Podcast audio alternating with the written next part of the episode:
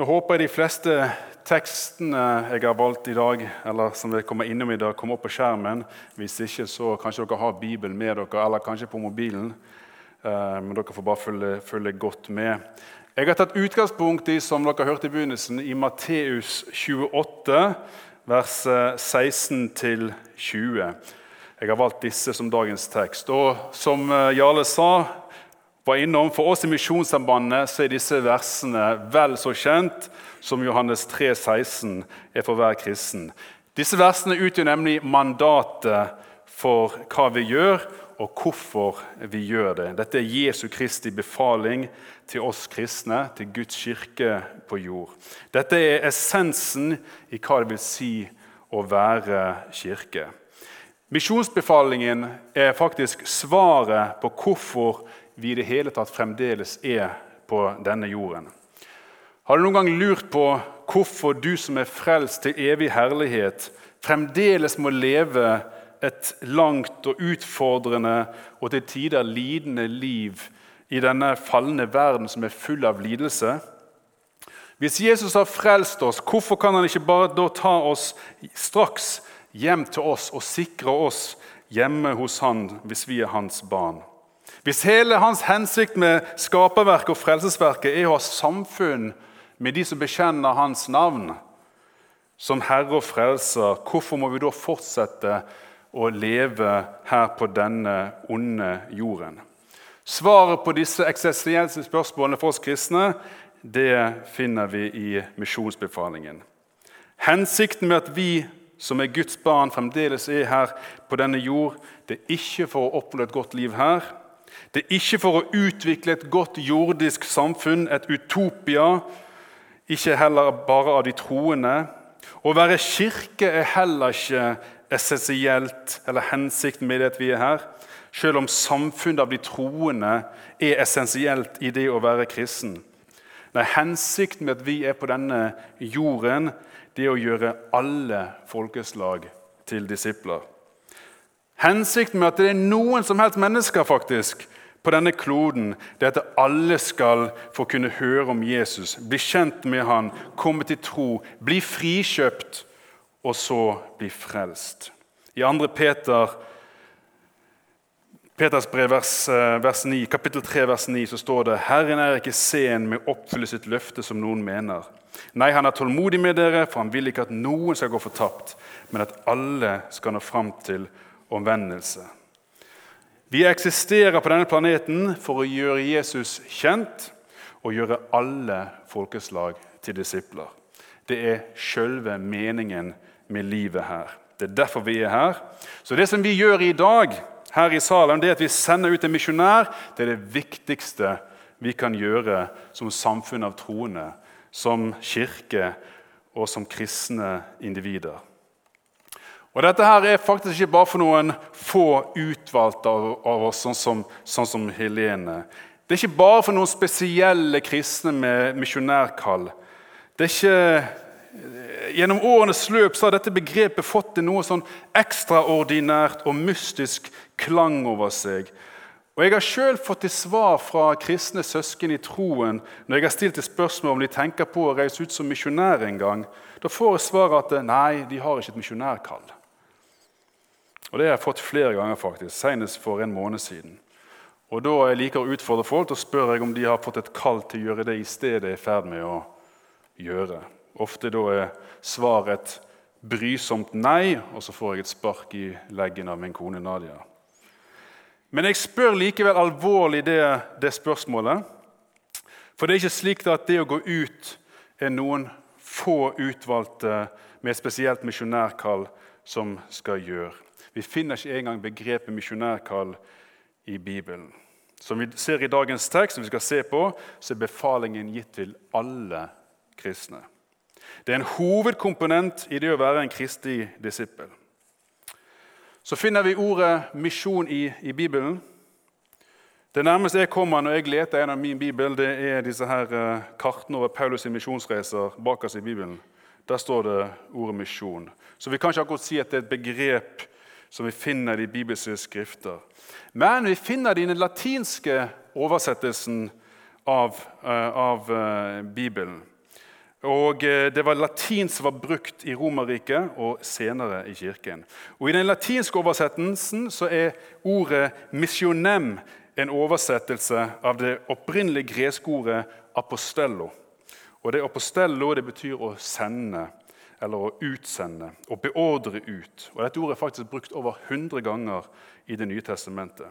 Første gang vi ser det ordet brukt i Nytestamentet, det er i Matteus da Herodes skjønte han var lurt av disse vise mennene fra Østen, han ble harm, og så sendte han ut Apostello sine soldater for å drepe alle guttebarn under to år i Betlehem. Så det var en lite hyggelig referanse og førstebruk av det ordet.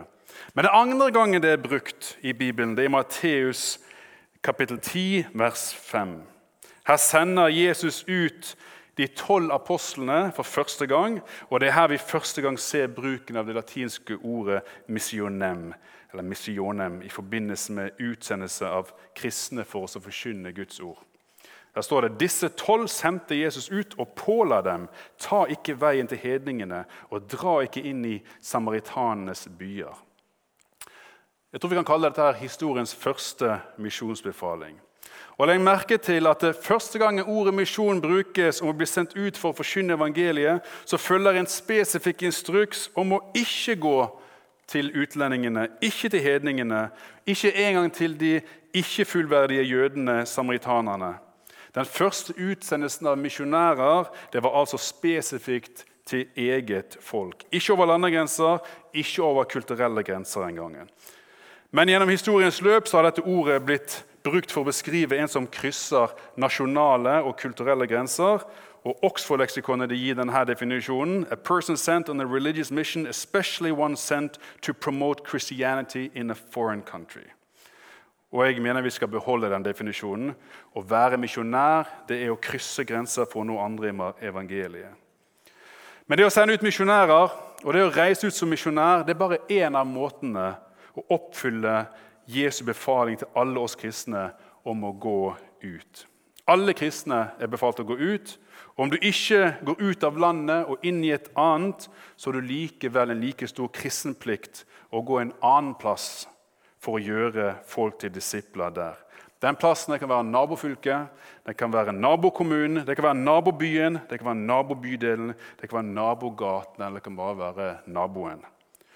Men ingen av oss som sender ut Helene i dag, har noe som helst vei utenom det at vi også er sendt ut i natur å være Kristi etterfølgere. I 2. Korinterbrev kapittel 5, vers 20, 2. Korinter 5, 20, leser vi så er vi da utsendinger for Kristus, og det er Gud selv som formaner gjennom oss. Vi ber dere på Kristi vegne, la dere forsone med Gud. La dere forsone med Gud skriver Paulus her. I min bibel, i 2011-oversettelsen, så står det med utropstegn. Og Paulus bruker det greske ordet 'deomai', som ofte er brukt for å trygle eller å bønnfalle. La dere forsone med Gud. Det er hva alle vi kristne skal si til verden og de rundt oss. Enten vi reiser ut av landet, eller om vi går over gaten til naboen. Vi er alle gitt den befalingen. Vi har alle det ansvaret. Vi er alle Kristi utsendinger, Kristi ambassadører. Men i dag sender vi ut en misjonær, og det er noe spesielt i forhold til det å bli sendt til nabofylket. Jeg ser ikke ned på emissærer som bare flytter til nabofylket, men det er noe spesielt i det å sende misjonær langt vekk. For det blir med ett mye tydeligere og reelt at det koster å følge befalingen om å gå ut og gjøre folkeslag til disipler. Det koster penger, det koster relasjoner, det koster helse, og noen ganger så koster det liv. Det har vi erfart i vår organisasjon, og det har mange erfart. Man forlater familie, samfunn, venner og ofrer ofte karriere og et godt liv og god pensjon for å bringe evangeliet til unådde mennesker. Så man innser realiteten i at det å være en kristen faktisk betyr å måtte ta opp korset og ofre noe. Muligens absolutt alt sammen. Nå har vi i Norge vært så heldige i dette landet at vi har vokst opp i en kristen bastion, bokstavelig talt. Mange tror at kristendom er en religion. Visste du at kristendom ikke er en religion, Da, snakker, da mener jeg ikke at det er et forhold til Jesus. Men kristendom det er en plass. Kristendom er et område. Kristendom var den kristne del av verden. Det var der de kristne bodde. Det kaltes for kristendommen. Og I denne sivilisasjonen har det vært så lett og smertefritt og godt å være kristen at vi knapt har sett det på som noe offer. Norge er en del av denne sivilisasjonen. Men dette er i ferd med å endre seg etter hvert som vi som sivilisasjon nå snur ryggen til Gud og er på god vei mot å bli et gudløs og rent hedensk samfunn. Men det er like fullt fremdeles forholdsvis lett og kostnadsfritt å være kristen i eh, landet vårt. Kristne her i Norge de har gode jobber, de har fine hus, de har fine biler, de har hytter. Vi tar gode ferier, og vi lever meget behagelig liv. Og nordmenn flest har ingen problemer med sine kristne naboer. Men jeg vil, ikke, jeg vil driste meg å spørre kan dette være fordi, fordi vi litt for sjeldent trygler våre venner, og naboer og kolleger om å forsone seg med Gud, slik Paulus sier vi skal gjøre. Og Jeg tror svaret er ja. Vi kristne nordmenn som ikke reiser ut for å forkynne evangeliet til fjerne folkeslag, er ikke til særlig bry for våre unådde naboer. Jeg tror kanskje at eh, vi tenker at dersom vi ikke reiser ut som misjonær, dersom vi har unngått dette misjonærkallet, så kan vi på en måte slippe litt lettvint unna. Vi kan få oss en god jobb, vi kan komme oss inn på boligmarkedet og bli med den boligheisen opp og ellers leve behagelig liv som de fleste andre nordmenn. Men vi skal se på misjonsbefalingen i dagens tekst. Og vi skal se hvordan denne misjonsbefalingen i tillegg til å være en befaling om å gå ut, også er en rettesnor på hva det vil si å leve som en Jesu disippel. Og For oss som står i en fulltidstjeneste, så er denne teksten også en viktig prioriteringsinstruks i tjenesten. Jeg har nemlig sett misjonærer og andre fulltidsansatte i kirke og misjonsliv ofte glemmer denne viktige prioriteringen og dermed går seg bort i både tjeneste og eget kristenliv. Jeg har sett misjonærer miste troen mens de er ute. Så jeg har delt teksten opp i tre seksjoner, eller i tre undertitler. Og disse er kall, det er lovprisning, og det er lydighet. Det er de tre, seksjonene jeg har delt misjonsbefalingen inn fra vers 16. Kall. Fra vers 16.: Men de elleve disiplene dro til Galilea, til fjellet der Jesus hadde sagt han ville møte dem. Dette var den første tiden etter Jesu oppstandelse, og han har allerede vist seg for disiplene ved noen forskjellige anledninger. Vi ser i Matteus kapittel 26, vers 32, da Jesus og disiplene er ferdig med påskemåltidet og er de på vei ut til Getsemane. Der instruerer Jesus de at de skal møte han i Galilea etter at han har stått opp. Men etter at Jesus har dødd på grufullt vis, så er det så mye forferdelse og fortvilelse blant disiplene at de går bare og gjemmer seg. og Jeg tror ikke de engang tenker på hva Jesus sa om hvor de skulle møtes. Tvilen råder, og Thomas han tvilte så mye at han måtte stikke fingeren i, eh, i, sårene på Jesus. Så det å reise til Galilea for å møte han de nettopp hadde sett bli henrettet, det tror jeg var en helt fjern tanke.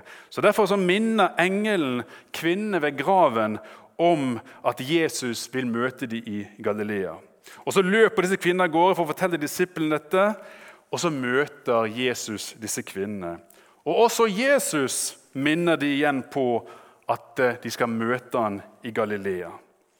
Men som Markus forteller oss i kapittel 16, vers 11-13, så trodde ikke disiplene på verken kvinnene eller på Emmaus-vandrerne som kom til de elleve disiplene og fortalte at de hadde sett Jesus. Det står også disse kom og fortalte det til de andre, men de trodde ikke dem heller. Det leser vi i vers 13 i Markus 16. Etter Jesu død så var det altså så mye tvil blant disiplene. Det falt ikke de inn å reise til Galilea for å møte ham der. Og Til slutt så måtte Jesus se seg nødvendig å møte de elleve disiplene i Jerusalem, der de gjemte seg. Og Markus beretter at det var ikke en nødvendigvis eh, bare et hyggelig møte. Her står det til sist viste han seg også for de elleve mens de var samlet til måltid. Han bebreidet dem for deres vantro og harde hjerter for de hadde ikke trodd dem som hadde sett at han var stått opp. Men det var tydeligvis noe viktig med dette møtet i Galilea. For Matteus forteller oss i kapittel 28 at de elleve disiplene, etter de allerede sett ham nå, til slutt så dro de likevel til Galilea og til det fjellet Jesus hadde sagt han ville møte dem.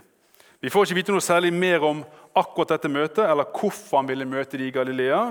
Men det kan tenkes at det var fordi det var i Galilea Jesus hadde de fleste av hans etterfølgere. I 1. Korinterbrev 15,6 så forteller Paulus deretter viste han seg for mer enn 500 søsken på en gang. Av dem lever de fleste ennå, men noen har sovnet inn. Og Det kan godt hende, og det er flere bibelkommentatorer som mener det at dette er samme hendelse. At misjonsbefalingen i Matteus 28 og disse 500 i den samlingen er samme hendelse. Med andre ord, Misjonsbefalingen var ikke bare gitt til disse elleve, den var gitt til hundrevis av mennesker, og at det var derfor det skjedde i Galilea. Det står at han viser seg for mer enn 500 søsken på en gang. Det var med andre ord en annonsert hendelse. Jesus ville at disse skulle samles, så han kunne møte dem, vise seg for dem og si dem noe viktig. Så Dette viser oss at enhver persons liv med Jesus det begynner med en respons på hans kall. I 1. Korinterbrev kapittel 1, vers 9 så leser vi Gud er trofast, han som har kalt dere til fellesskap med sin sønn Jesus Kristus, vår Herre. Og I Johannes 6, vers 44 så leser vi Ingen kan komme til meg uten at Far som har sendt meg, drar ham, og jeg skal reise ham opp på den siste dag. Ja, Gud må faktisk dra oss. Og Vi ser det i dette Galilea-møtet. De var så mye i tvil at de hadde ingen planer om å følge den oppfordringen og dra opp dit. Men Jesus møter de der de er, og de responderer til slutt og går for å møte han. Men fremdeles ikke helt uten tvil, som vi straks skal se i neste verset. Men livet med Gud, livet som kristen, det begynner med at Gud kaller oss til fellesskap med Han, og at vi responderer på Hans kall. Gud vil først og fremst ha fellesskap med deg. Gud vil være din far, og at du skal være hans barn. I Johannes kapittel 1, vers 12.: Men alle som tok imot ham, den ga han rett til å bli Guds barn, de som tror på hans navn. Punkt nummer to tilbedelse. Og da de fikk se ham, falt de ned og tilba ham, men noen tvilte. Et liv med Gud er først og fremst et liv i tilbedelse. Det er et liv i lovprisning. Jeg vil si at Et bedre beskrivende ord i denne teksten det vil være å lovprise. Proskuneo. Det er dette ordet eh, som blir brukt. Og Det er av dette ordet vi har det lite norske ordet, men det er et norsk ord å prostrere. Det betyr å bøye seg ned i ærbødighet og underkastelse. Det er altså mer enn å tilbe. Det var det de fremåtte gjorde da de så Jesus, som nå viser seg foran dem etter han har stått opp fra de døde. De kastet seg ned, og de lovpriste han. Og Det er det som er den naturlige reaksjonen eh, når vi møter Gud. Og Det er ikke en skjelvende frykt for en harm og vond hersker, men det er beundring, ærbødighet og underkastelse for en Gud som tok all lidelse og all straff på seg, så vi skulle slippe. Så vi kan ha samfunn med han. Og Det er også Guds vilje at vi lovpriser han. Det er ikke noe bare vi gjør. Gud vil at vi skal lovprise han. Bøy dere for Herren i hellig prakt. Skjell for ham hele jorden leser vi i Salme 96, vers 9. Så hva er egentlig lovprisning? Vi gjorde noe av det her i begynnelsen av møtet. Og jeg tror de fleste av oss umiddelbart tenker på dette som lovsang og takkebønn, som det òg er. Men lovprisning er noe mye mer. Kolossene kapittel 3, vers 16. La Kristi ord få rikelig rom hos dere. Undervis og rettle hverandre med all visdom. Syng salmer, viser og åndelige sanger til Gud av et takknemlig hjerte. Og la alt dere sier og gjør, skje i Herren Jesu navn, med takk til Gud, vår Far, ved ham. Å lovprise Gud det er en kontinuerlig ting. Det er noe vi gjør hele tiden. Det er noe vi gjør med hele vårt liv. I alt vi er og alt vi gjør. Et Guds barn vet at alt en har, det er av nåde, og at eh, hans far er en allmektig og suveren Gud som har all makt på himmel og på jord, og som vil se til at hans vilje og plan skjer. En kristig etterfølger vil derfor lovprise sin Gud med hele sitt liv og ære Gud i absolutt alt en gjør. Før hvert enkelt valg og avgjørelse så spør man seg sjøl som en rettesnor vil dette ære Gud og Hans ord. Alt fra valg av utdannelse, jobb, bosted, ektefelle, hus og hva man ellers bruker tid og penger på. Gjør jeg dette her i lovprisning? Vil dette ære Gud?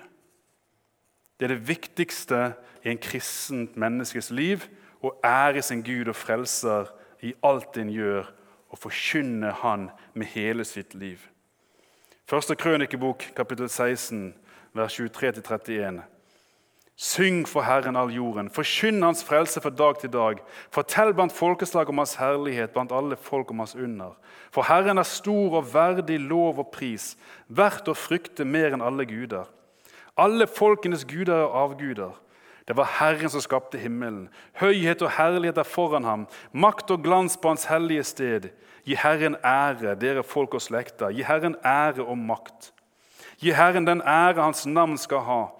Kom fram for ham med gaver. Bøy dere for Herren i hellig prakt. Skjell for ham hele jorden. Verden står fast, den kan ikke rokkes. Himmelen skal glede seg, jorden skal juble. De skal forkynne blant folkene at Herren er konge.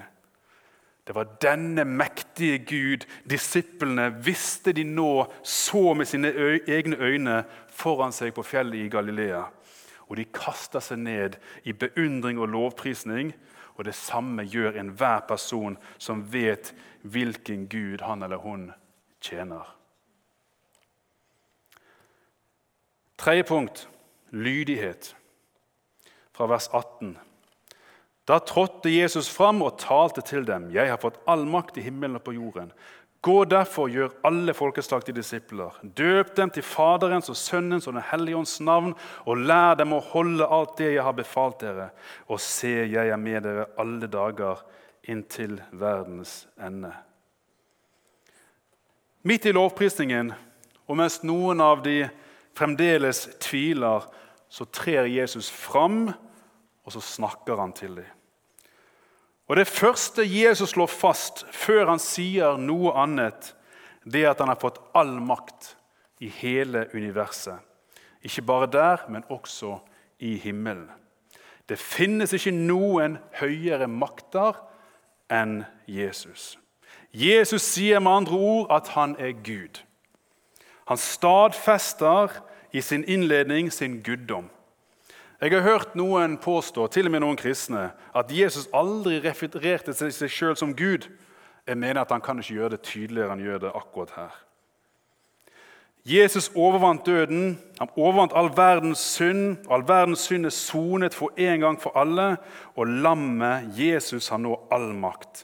Jesus har samme herlighet som han hadde før verden ble til, som vi leser i Johannes 17, vers 5. Far, gi meg nå din herlighet, den herlighet som jeg hadde hos deg før verden ble til. Og Nettopp derfor så har Jesus makt og myndighet til å befale oss å gå ut og gjøre alle folkeslag til disipler. Det er Guds vilje at alle mennesker skal kjenne Han. Og Når vi ser hvor ettertrykkelig Jesus sier at vi skal gjøre alle folkeslag Pass etnos, står det. Hver og en stamme. Så slår det meg hvor lang tid Peter likevel trengte i ettertid for å forstå at evangeliet det var for alle, og ikke bare for jødene. Det går ikke skikkelig opp for Peter før flere år senere, da han møter romerske Kornelius i Apostelens gjerninger kapittel 10, kapittel 10 vers, vers 34.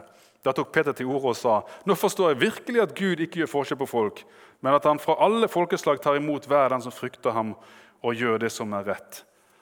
Dette er syv til åtte år etter at Jesus sa til han og de andre rundt han, gjør hvert enkelt folkeslag, pass etnos, til mine disipler.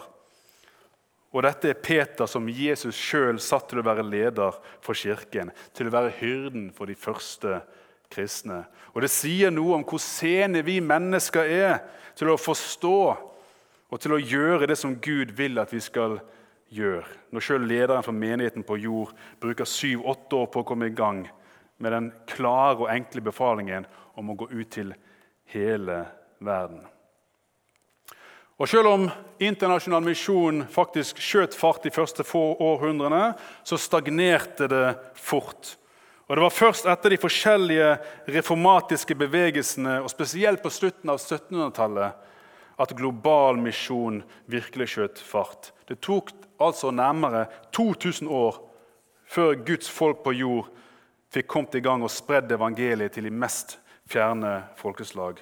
Og vi har fremdeles arbeid som gjenstår. Det finnes fremdeles unådde folkeslag. Så det var ikke bare Peter og de andre disiplene som var trege med å forstå alvoret i misjonsoppdraget.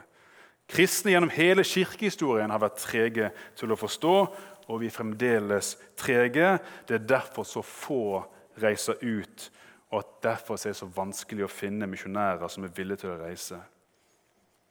Jesu befaling må naturligvis oppfylles med lydighet. Det er derfor jeg har kalt den tittelen 'Lydighet mot befalingen'. Så sier Jesus, 'Døp de til Faderens og Sønnens og Den hellige ånds navn', 'og lær dem å holde alt det jeg har befalt dere'.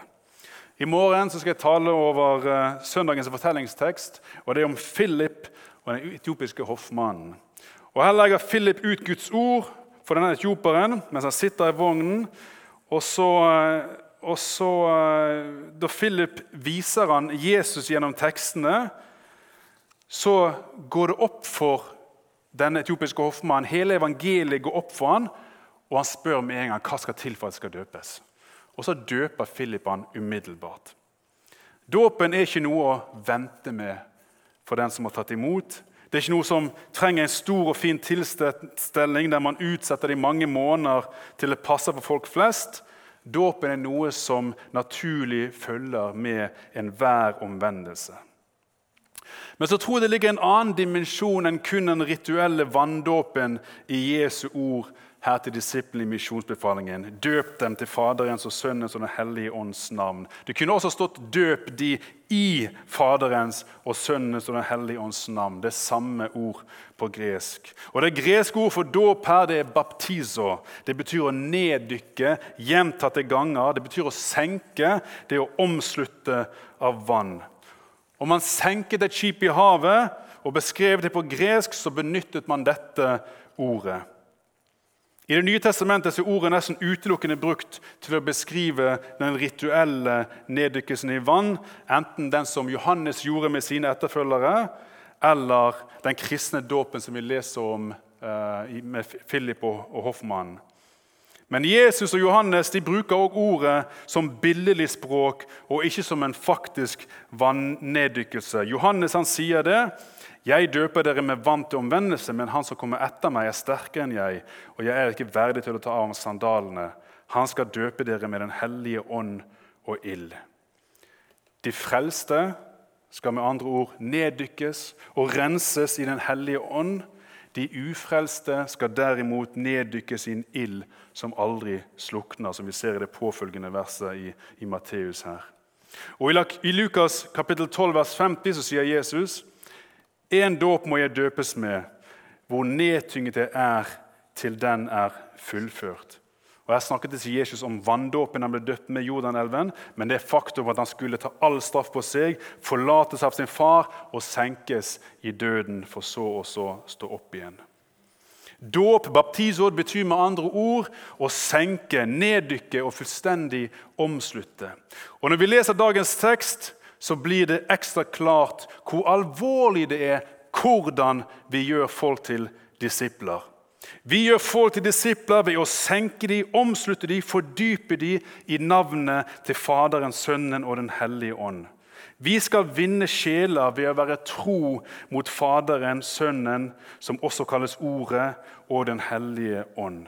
Og det gjør vi kun ved å forkynne hele Guds ord som absolutt sannhet. Vi vinner ingen sanne disipler ved å lure folk inn i flokken ved å fortelle dem det som klør i øret.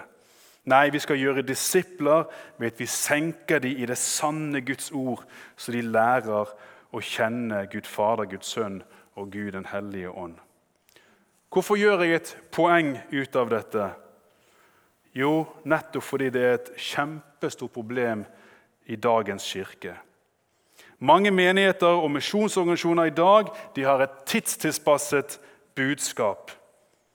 De taler ikke det samme evangeliet i tide og utide, i skiftende tider, som Paulus instruerte Timoteus i sitt andre brev, kapittel 4, vers 2.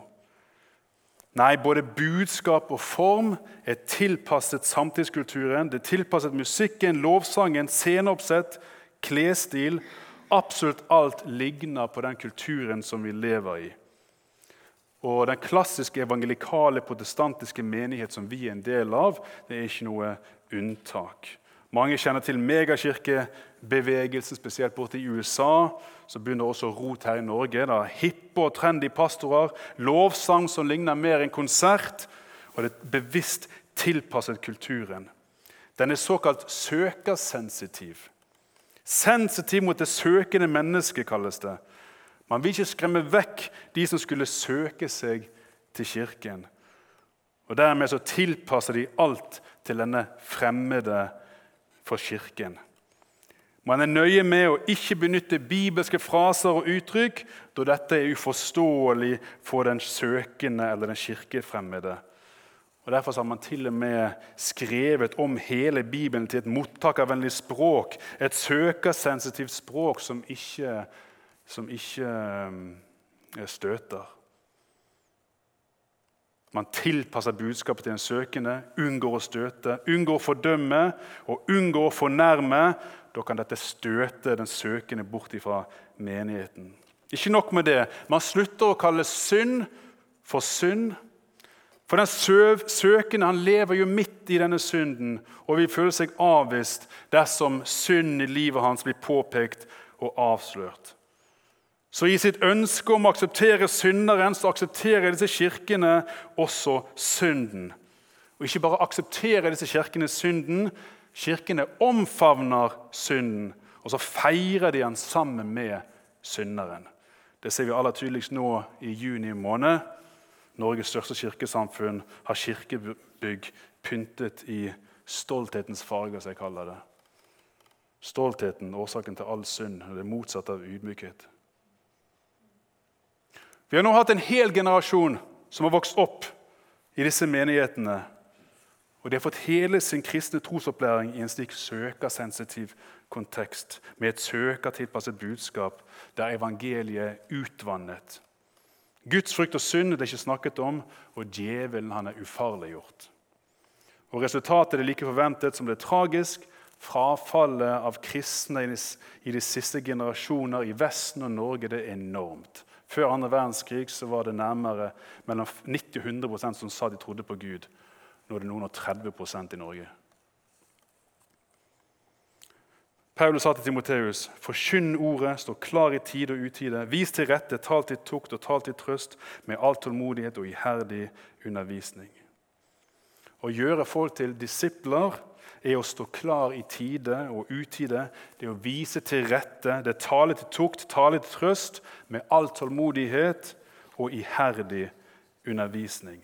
Det eneste måten å vinne sjeler på. Det eneste måten å gjøre folk til disipler.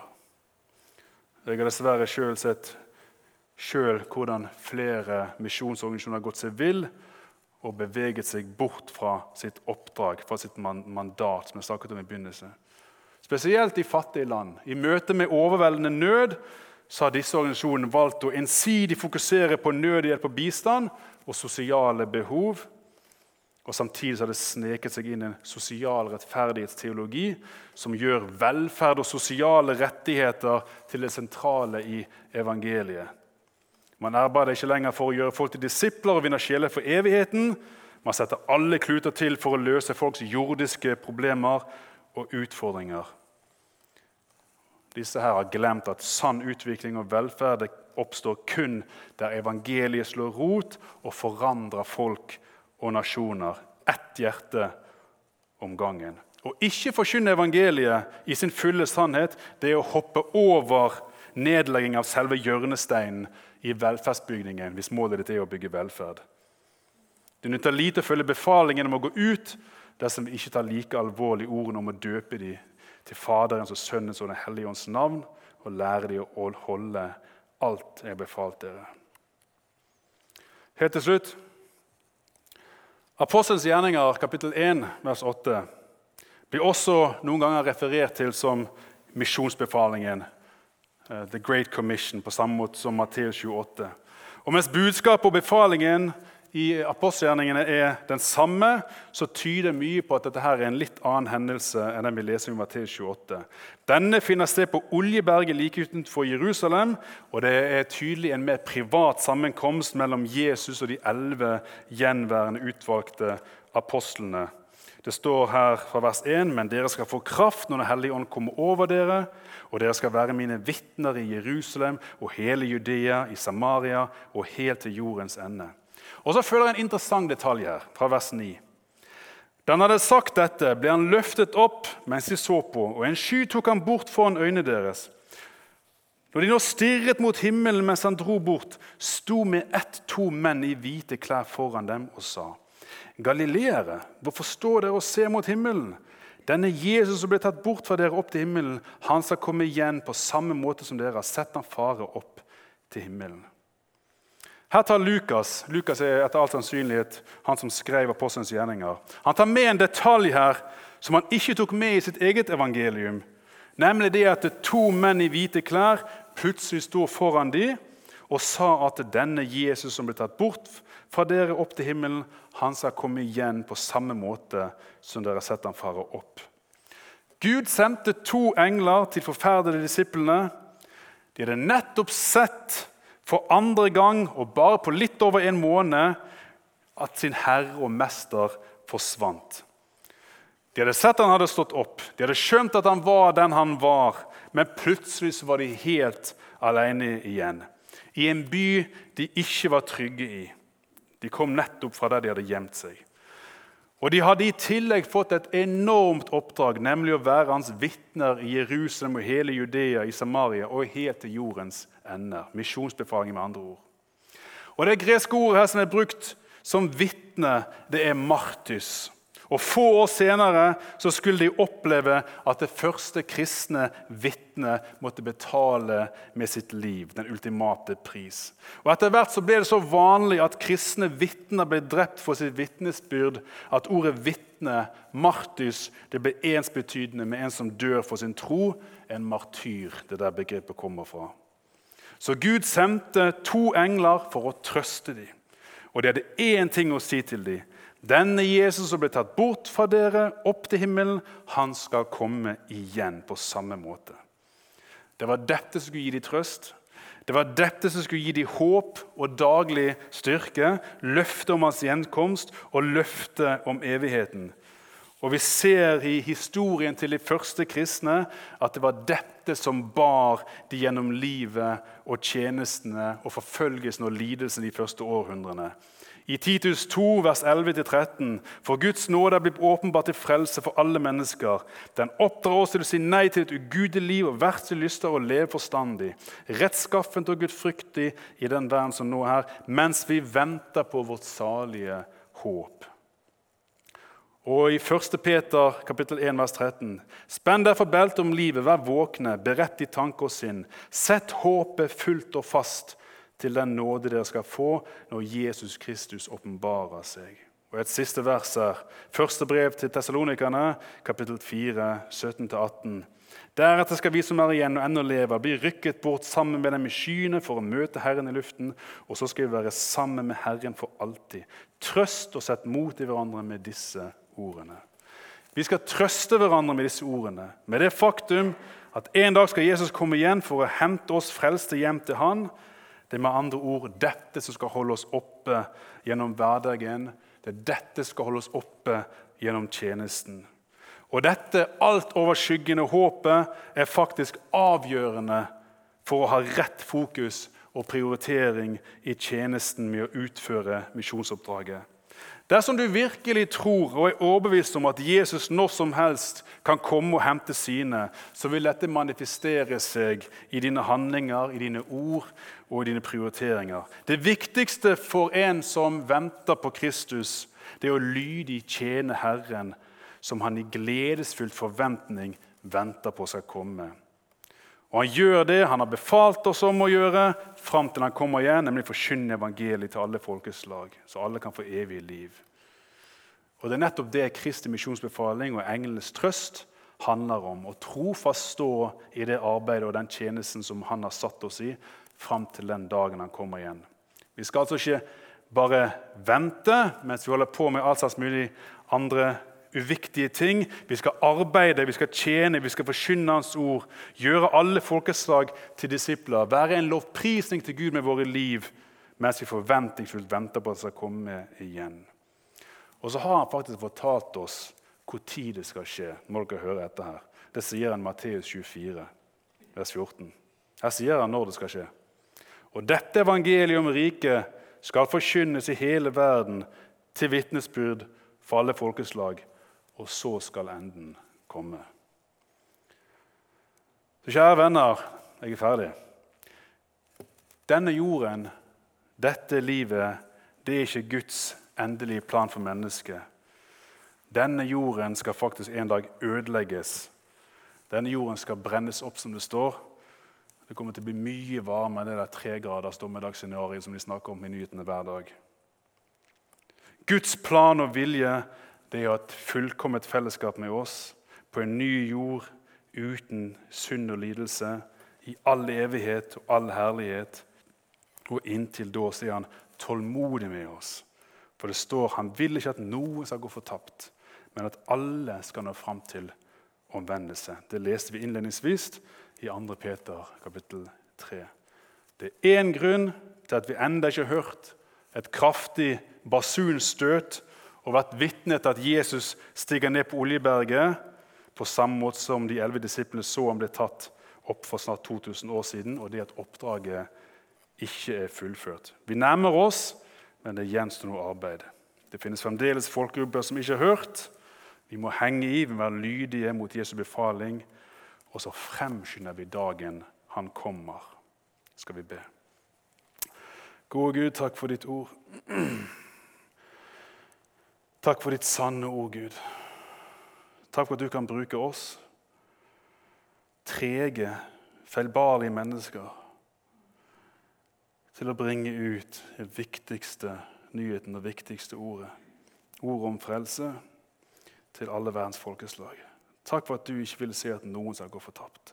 Vi vet at folk kommer til å gå fortapt, men det er ikke din vilje. Gode Gud, utrust oss, utrust hver enkelt her til å være tro mot befalingen om å gå ut, enten det er ut til fjerntliggende strøk, eller om det er blant venner og nabolag her i Norge.